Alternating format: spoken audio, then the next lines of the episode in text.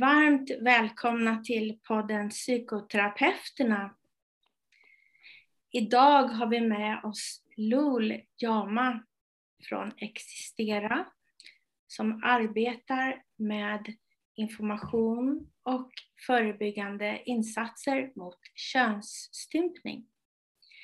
Varmt välkommen Lol och eh, vi har ju arbetat tillsammans tidigare du och jag med eh, ungdomar med psykisk ohälsa bland annat. Väldigt roligt att få ha dig här. Skulle du vilja berätta lite om varför du startade Existera? Ja, tack. Eh, tack att jag får vara med på er podd. Eh, Loljame heter jag och eh, jag startade Existera eh, för att det eh, helt enkelt talas eh, lite om könsstympning och eh, var i sådan övergrepp består och vilka man eh, eh uppför det på, helt enkelt.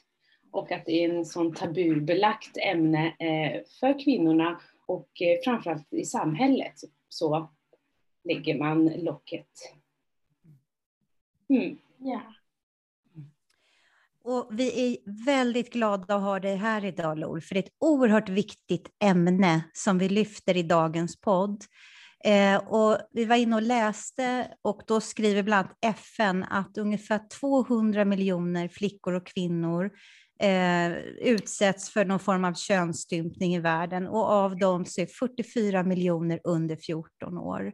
Alltså det är ju fruktansvärda siffror och som, där det faktiskt kan liknas vid våldtäkt. Eh, och eh, jag tänker så här, utifrån det här LOL, vad, Stockholm, Sverige, vad vet vi? Vi vet, jag tänker mörkertalet är stort. Du som jobbar med det här och har så bra kunskaper om det, eh, vad vet vi om hur det ser ut i Sverige? Ja, eh, det vi vet eh, hur det ser ut i Sverige, det är lite utifrån det Socialstyrelsen gjorde eh, en ehm, en rapport kring det, en statistik helt enkelt, som eh, var 2015. Mm. Där man eh, ungefär trodde att det var 38 000 som kan ha blivit könsstympade. Eh, och vi gjorde en ny rapport, en ny statistik nu i år, eh, mm. som visade sig att eh, det har fördubblats. Eh, det är ungefär 75 000 som kan ha blivit könsstympad. Och vi gjorde en lite annorlunda eh, eh studie jämfört med Socialstyrelsen, där vi då inkluderade alla länder som mm. Unicef tar upp, där man då praktiserar helt enkelt det här övergreppet. Mm. mm. Så att eh, så ser det ut i Sverige. Så ser det ut. Mm. mm. Det är väldigt många. Så Vilka konsekvenser på sikt eh, både psykiskt och fysiskt kan man se av de här övergreppen som det faktiskt är, det här med könsstympning och mm. kan man till och med få livslånga men av det här? Eh, ja, det är ju en extrem eh, lidande för dessa eh, flickor som blir kvinnor sedan. Det är ju smärta under livet, återkom, återkommande kyster, eh, ärrbildningar vid klitrisen eh, samt smärtor och mindre eh, skönt att ha sex eller onera då man tar bort klitrisen, inre klitrisen. Då. och så kan, sedan kan man få nedsatt lust. Man har svårt att kissa om man har gått igenom typ 3. Det finns ju då fyra typer av dessa. Ehm, och eh, man kan få eh, urinläckning efter toabesök då eh, urinet då inte helt kommer ut. Det tar väldigt lång tid för dessa kvinnor och flickor att ehm, kissa ut helt enkelt. Man är ofta kissnödig. Eh, återkommande urinväginfektion, det är väl väldigt normalt för många kvinnor att ha. Eh, ont vid mens. Eh, man, eh, mensen eh, kommer inte ut ordentligt så liksom det blir en, liksom ett, som, ett, eh, eh som en klump i magen. Mm. Eh, och magsmärtor. Och det psykiska menen, det är, det är den som är faktiskt skulle jag väl säga det vanligaste av de mm. kvinnor jag träffar. Många kan känna om man har gått igenom typ 3 så, eh, eller typ 1 förlåt, då man tar bort eh, klitrisen. Eh, många känner oftast att de kanske inte har fysiska komplikationer. Men att de eh, senare i åldern då när man gått igenom eh, förlossning eller ja, helt enkelt eh, livssituationer, att, det, att det, man eh, liksom eh, påminns om det övergrepp som man gick igenom som barn. Eh, och många minns ju det eh, av de kvinnorna jag träffar då som har blivit eh, stympade vid eh, fem år, sex års ålder ungefär. Och det är det posttraumatiska eh, eh, menen som man har oftast. Eh, man kan vara eh, orolig, man kan få ångest. Eh, många flickor som jag har träffat är väldigt arga, har mycket ilska och tar ut det fysiskt. Eh, har svårt för tillit för andra. Mm. Och du, det du beskriver, eh, Lol, det är precis det vi möter också som psykoterapeuter, just de här PTSD-symptomen och de här typ 2-komplexa trauma eh, av också, ja, men precis som du beskriver, att det också blir väldigt mycket både psykiskt och fysiskt, somatiska besvär, eh, men också det här emotionella lidandet med traumafilmer som återkommer och och precis, du nickar där och ja, verkligen, eller hur? Att ja. lidandet är enormt och att det också bryter mot de grundläggande mänskliga rättigheterna. Ja. Eh, vad tänker du som är proffs och jobbar med det här och möter de här alla flickorna och kvinnorna? Hur kan man arbeta förebyggande för att motverka könsstympning? Vad behövs förändras? Det som behövs förändras, jag kan prata utifrån Sverige, för jag tycker att eh, vi eh, behöver ju verkligen våga prata om frågan helt enkelt.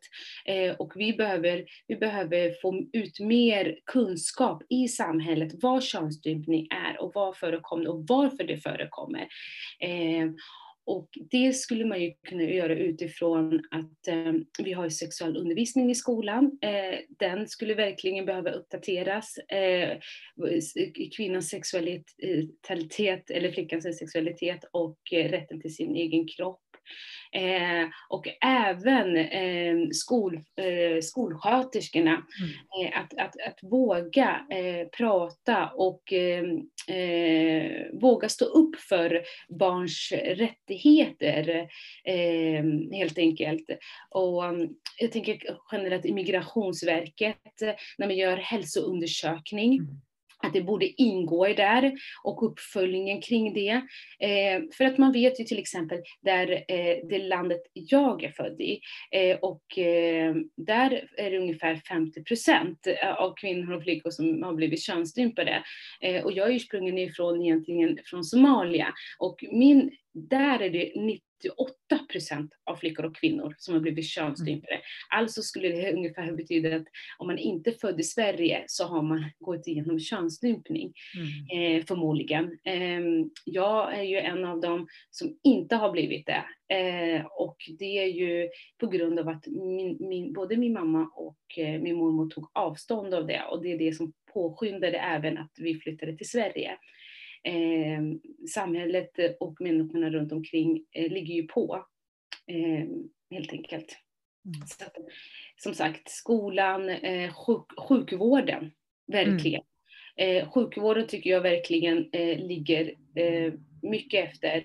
vi har en, en, en specialmottagning som heter allmänmottagningen som har kunskap kring det här och det är en enda mottagning som vi har i hela Sverige.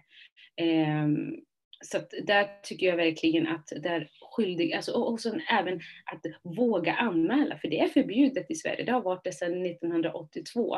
Men mm. trots det så eh, har det blivit bara tre stycken fällda sedan laget kom till kraft. Mm. Oj, ja. oj, oj. ja, mm. precis, du nämner lagen. Och, och, och vad säger lagen och, och hur är det efterlevnaden av den? Eh, beroende av samhällets inställning till det här och information och liksom hur kan man... Eh, se en väg framåt med informationsblad till nyanlända, sjukvård, mm. BVC och som du nämnde också eh, tidigare, våga prata och följa upp. Mm. Hur, ja, hur tror du att det skulle kunna påverka efterlevnaden av, av de här lagarna som vi faktiskt har och så få har blivit dömda? Mm. Det skulle påverka enormt mycket. Vi ser ju i samhället eh, hur eh, folk har fått ögonen upp för mäns våld mot kvinnor genom att det är upplyst. Mm. Eh, och eh, det gör ju också att eh, civilkuragen eh, blir starkare, människor vågar reflektera kring det och få kunskap från det. Och det skulle verkligen hjälpa yrkesverksamma då, ju mer samhället pratar om det och ju mm. mer samhället och politikerna tar, tar tag i kraft, det blir lättare för människor då att eh, eh ja, helt enkelt göra sitt jobb och våga prata om frågan. Liksom. Och våga stötta och hjälpa dessa flickor och kvinnor som utför som det. Som, ja. som det ser nu gentemot lagen så är det ju faktiskt så att eh, föräldrarna har så mycket ansvar. Vi har ju föräldrabalken. Så att när en liten flicka kommer in till sjukvården och är eh, stympad och gått igenom typ 3 som heter faron där man är helt hopsydd och lite tål bara kvar. Så, så för att kunna opereras så måste föräldrarna ge eh, med eh, att okeja det helt enkelt. Mm. Och för mig är det helt fruktansvärt. Det skulle man ju aldrig göra med ett barn som kom och bryter benen eller, eller har gått igenom mm. en våldtäkt.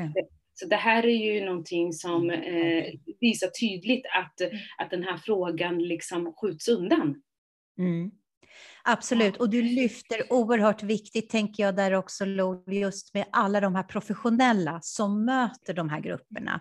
Primärvården, vårdcentraler, sjukvård, jag tänker ibland också rättsväsende, polis jag jobbar på ett av stadens relationsvåldscentrum, så vi jobbar ju med våldsutsatta och våldsutövare kommunen. Och jag tänker att vi möter också de här grupperna och hur viktigt det är att ställa de här frågorna. Barn och ungdomspsykiatrin, barn och ungdomsmedicin.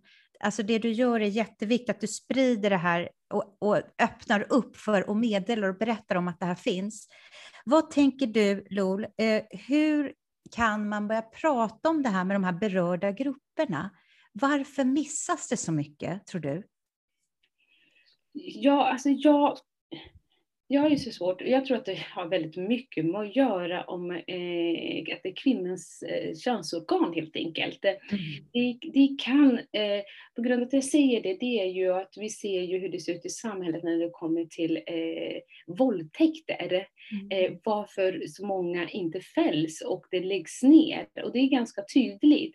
Hade det liksom varit tvärtom, att det har varit att det är små pojkars organ som hade eh, stympas på det här sättet så, så, så, tror jag att det skulle se helt annorlunda ut. Men jag tror att det här med sex, kvinnans sexualitet och eh, gör det lite svårare för människor. Och sen har det, och, och så har det med att göra att det här är ett, ett övergrepp som inte eh, utförs på alla flickor i Sverige. Att det är en del av flickor som det utförs på, risken är högre. Och det mm. gör ju också att man tänker liksom så här, oj, vågar jag riktigt fråga den här frågan? Trampar jag någons fot och så? Och då, då brukar jag säga så här, så här är det. Vi har faktiskt en lagstiftning som är väldigt tydlig och stark. Och vi har skyldighet som vuxen, enligt barnkonventionen som Sverige har skrivit på nu som ett lag, att man, om man går utifrån det, då, då, då, tror jag, och sen även att man kanske ska ranska sig själv lite grann. Mm. mm. Just det. Mm. Ja, precis. Och det är det jag tror framförallt det handlar om, att man är rädd. Man är rädd att såra mm. någon helt enkelt. Mm. Och det låter också eh, som att man är ovan att prata om de här sakerna. Som ja. du beskriver så väl och bra Lol, där att att prata om, män, om kvinnors könsorgan, att bara det kan göra att folk undviker de här frågorna. Fast ja. lidandet är så enormt som du beskriver.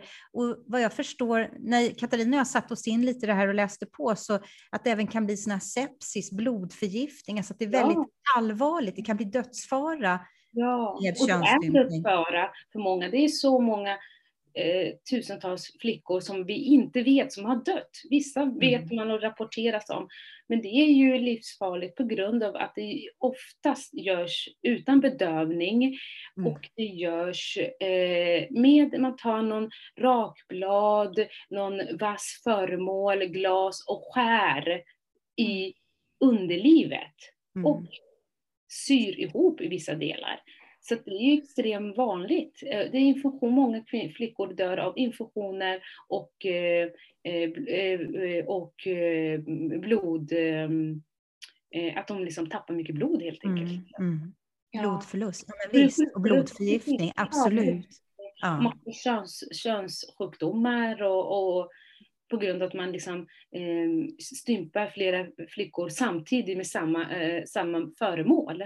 Mm. Så det är ju extremt eh, grovt eh, övergrepp och, och våldtäkt och barnmisshandel. Liksom. Ja. Ja. Precis, man förstår verkligen, du skriver det så väl här, hur viktigt det är att veta att man inte är ensam. Ja, Som du säger, att börja prata om det här. verkligen stå upp för vår lagstiftning i Sverige helt enkelt. Ja, Och, det, och vi, vi ska inte tolerera sånt här. Eh, och vi ska vara en förebild. Eh, och, och där är vi inte just nu. nej precis. Och eh, Mm. det här med forskning i Sverige eh, på det här området, hur, hur ser det ut och behövs det fler studier eller behövs det mm, pilotstudier på hur man kan stötta de som nu haft oturen att råka ut för det här, eh, men även förebyggande insatser.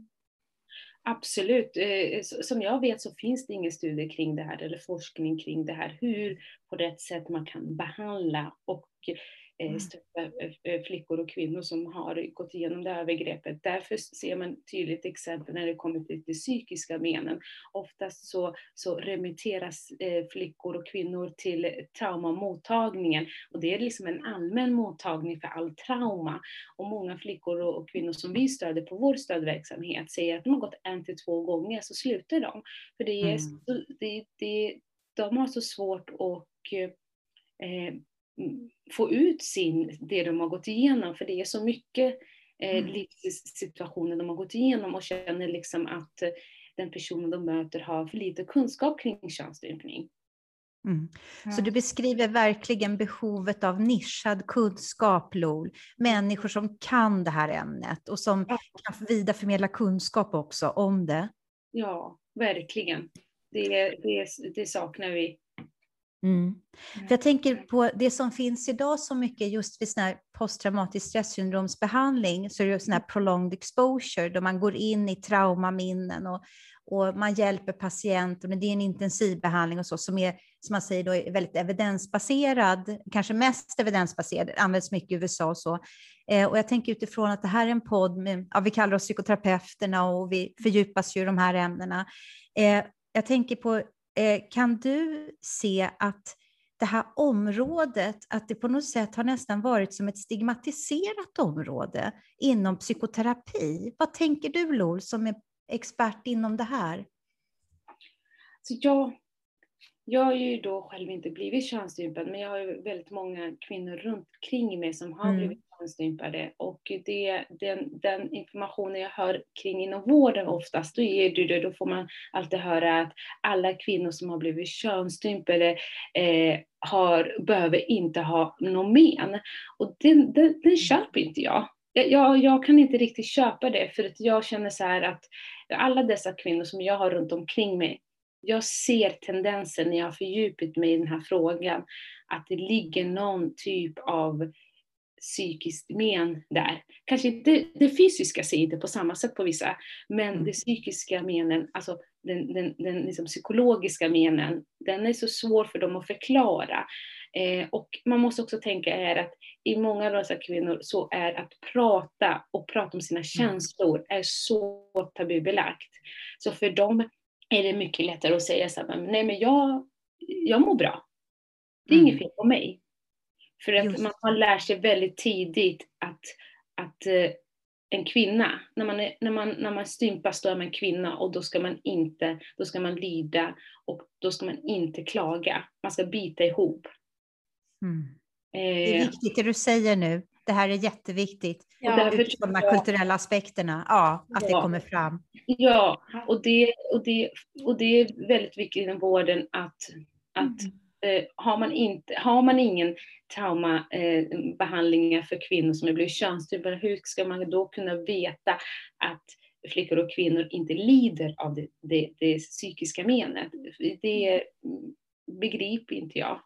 Nej. Precis, det, är som du säger, där, det blir ett svek Mm. Mm. som sitter kvar psykiskt. Som du nämnde, psykiska menen kan ju vara väl Ja. så stora. Ett svek från den som man uppfattar som sjukvårdspersonal, Mm. Verkligen. ehm, föräldrar eller andra vårdnadshavare, Mm. eh, samhället och samtidigt en rit in, en slags rit som du säger, det här är en, nu är jag vuxen. Mm. Det blir, Mm. blir dubbelt. eh, och svårt att veta kanske att det här är ett övergrepp jag har blivit utsatt för. Mm. Eftersom man har så många andra som har varit med om samma sak Ja. omkring sig. Ja. Som du säger, barnaga, kollektiv bestraffning, det här med barnäktenskap, kontroll av kvinnor och deras sexualitet, Mm. kvinnor och ungdomar. Mm. Och Unicef, eh, man har ny statistik som eh, jag vet att du nämnde tidigare, någon slags uppskattning av hur, man, hur många som skulle kunna vara drabbade av det här i Sverige. Eh, Ja, eh, Socialstyrelsen och den rapporten som vi gjorde eh, visar ju då att eh, Socialstyrelsen för, för, det var då 2015 som visade att det var ungefär eh, ungefär 38 till 40 000. Men då har man då gjort en statistik utifrån länder som Unicef eh, utgår ifrån, vilka länder det är. Och man tror att det ungefär är 200 miljoner eh, flickor och kvinnor som har blivit könsstympade i världen. Eh, och det, det har, nu, nu, nu pratar man ju oftast om de länder där det har förekommit, men jag vill, jag vill markera och tydliggöra att det här finns i hela världen just nu eh, på grund av invandringen. Eh, eh, kvinnor och flickor har vandrat till olika länder och eh, nu är könsstympning inte bara i de här länderna. Det finns i London, England, att det finns i västvärlden eh, Mm här i Sverige. Eh, och eh, vi, för att vi ska ha nolltolerans så måste vi jobba med det förebyggande arbetet i Sverige i mycket, mycket högre utsträckning än vad vi gör idag. Mm. Och eh, absolut, och jag tänker eh, utifrån också det du säger så klokt Lol kring det här också med samverkan som vi har varit inne på. Vikten av sådana här SIP-möten, sådana här samordnad individuell plan till exempel, när kommun och landsting samarbetar och, och att också få med föräldrarna i det här.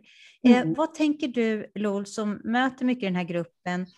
Förslag liksom på hur kan man prata om det här? Jag tänker för de som lyssnar på podden och som Mm. önskar, som är professionella och jobbar inom det här och vill hjälpa men inte riktigt vet eller är ovana. Vad skulle du kunna rekommendera till exempel för frågor man kan ställa? Vad är Ja. viktigt att ta upp? Eh, Det, det viktigaste framförallt när man har sin eh, kund eller om man skulle säga en klient är väldigt Mm. viktigt att man först försöker lära känna eh, klienten.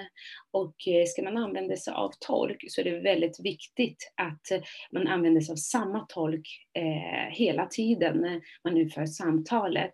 Eh, för det är enormt viktigt för annars blir det, eh, kan det bli kommunikationsproblem och även eh, eh, läsa på innan. Vad är könsstympning? Ta reda på eh, vart eh, skulle det vara så att kvinnan öppnar sig för mig och berättar situationen, vart kan hon få stöd och hjälp? Vart ska jag vända henne till?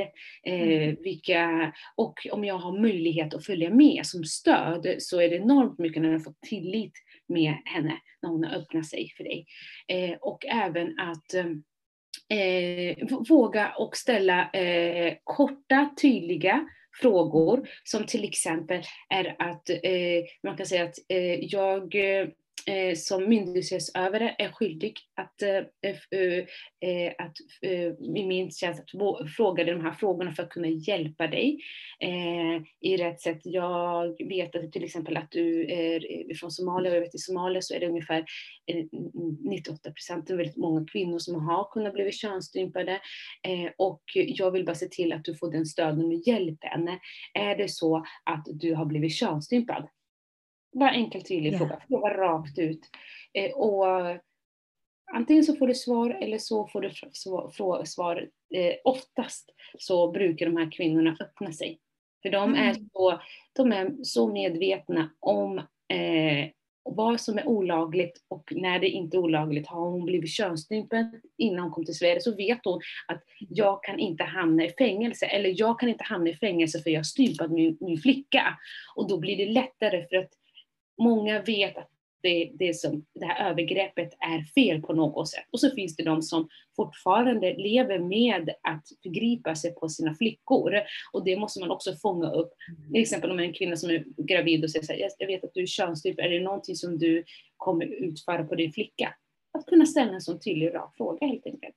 Mm. Viktigt. Ja. Vilka bra tips. Jättebra. Jättebra. Mm. Verkligen. Eh, och eh, utifrån det här, jag tänker på, är det någonting som du vill lägga till, Or, som vi har glömt att fråga om? Någonting som du tycker är viktigt att det når ut?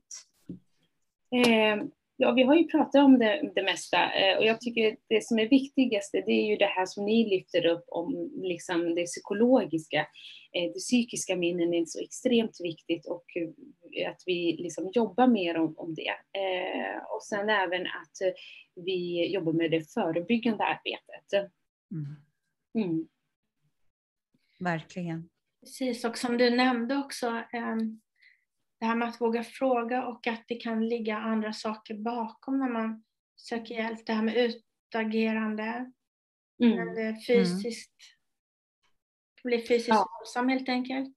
Mm. Um, på grund av det här men kanske inte um, tänker själv på kopplingen till det eller Mm. Mm. Verkligen Katarina. Det här med också symptombilden som jag tycker du har beskrivit så bra Lol idag, att det finns enormt många symptom. Mm. Eh, och att det inte bara sömnbesvär eller nedstämdhet eller ångest, utan det kan verkligen vara alltså också rent somatiska besvär, magverk och allt det här, och, ja. och emotionella eh, symptom. Så ja. det låter som att vad viktigt att få in det här på agendan med varje klient vi möter, mm. faktiskt mm. som kan ha varit med om det här och att man mm. inte glömmer att fråga. Ja, verkligen. Och det är, det är som eh, många kvinnor som jag träffar har ju extremt mycket eh, psykosomatiska problem. Och oftast har det varit så att jag, på grund av att jag har den bakgrunden jag har, så har jag kunnat närma mig den här frågan. Och då oftast när vi har haft samtal och så, så har vi kommit fram till att aj, det är könsstympningen som ligger bakom det här. För de har varit hos läkaren och läkaren säger men det är inget fel på det, du har inte ont i magen ryggen eller huvudvärk och det ena och andra. Så visar det sig när man pratar om det så säger de så men jag har varit och öppnat mig och liksom, jag har ingen besvär där nere längre och då brukar det vara så, men har du fått hjälp vidare? Mm. Nej, det har ju inte jag blivit förfrågad. Jag har bara fått gå på operationssalen och sen har jag fått åka hem. Mm. Att man alltid glömmer bort det, liksom, det, den psykologiska delen och den är så otroligt viktig. Mm. Verkligen. Ja, mm. precis. Vad mm. fint att äh, vi fick bjuda in dig, Lol, i det här mm. väldigt viktiga Alltid. ämnet och vi hoppas att vi får återkomma ja. längre Tack fram. Snälla. Tack att jag fick komma. Tack snälla för att du kom. Vi hoppas att vi kan få bjuda in dig igen, Lol till hösten. Ja, mm. absolut. Mm. mm. Så på återseende, på säger vi. Ja, tack snälla. Tack. Ha det bra. Tack för idag. Tack. Hej då. Hej då. Hej.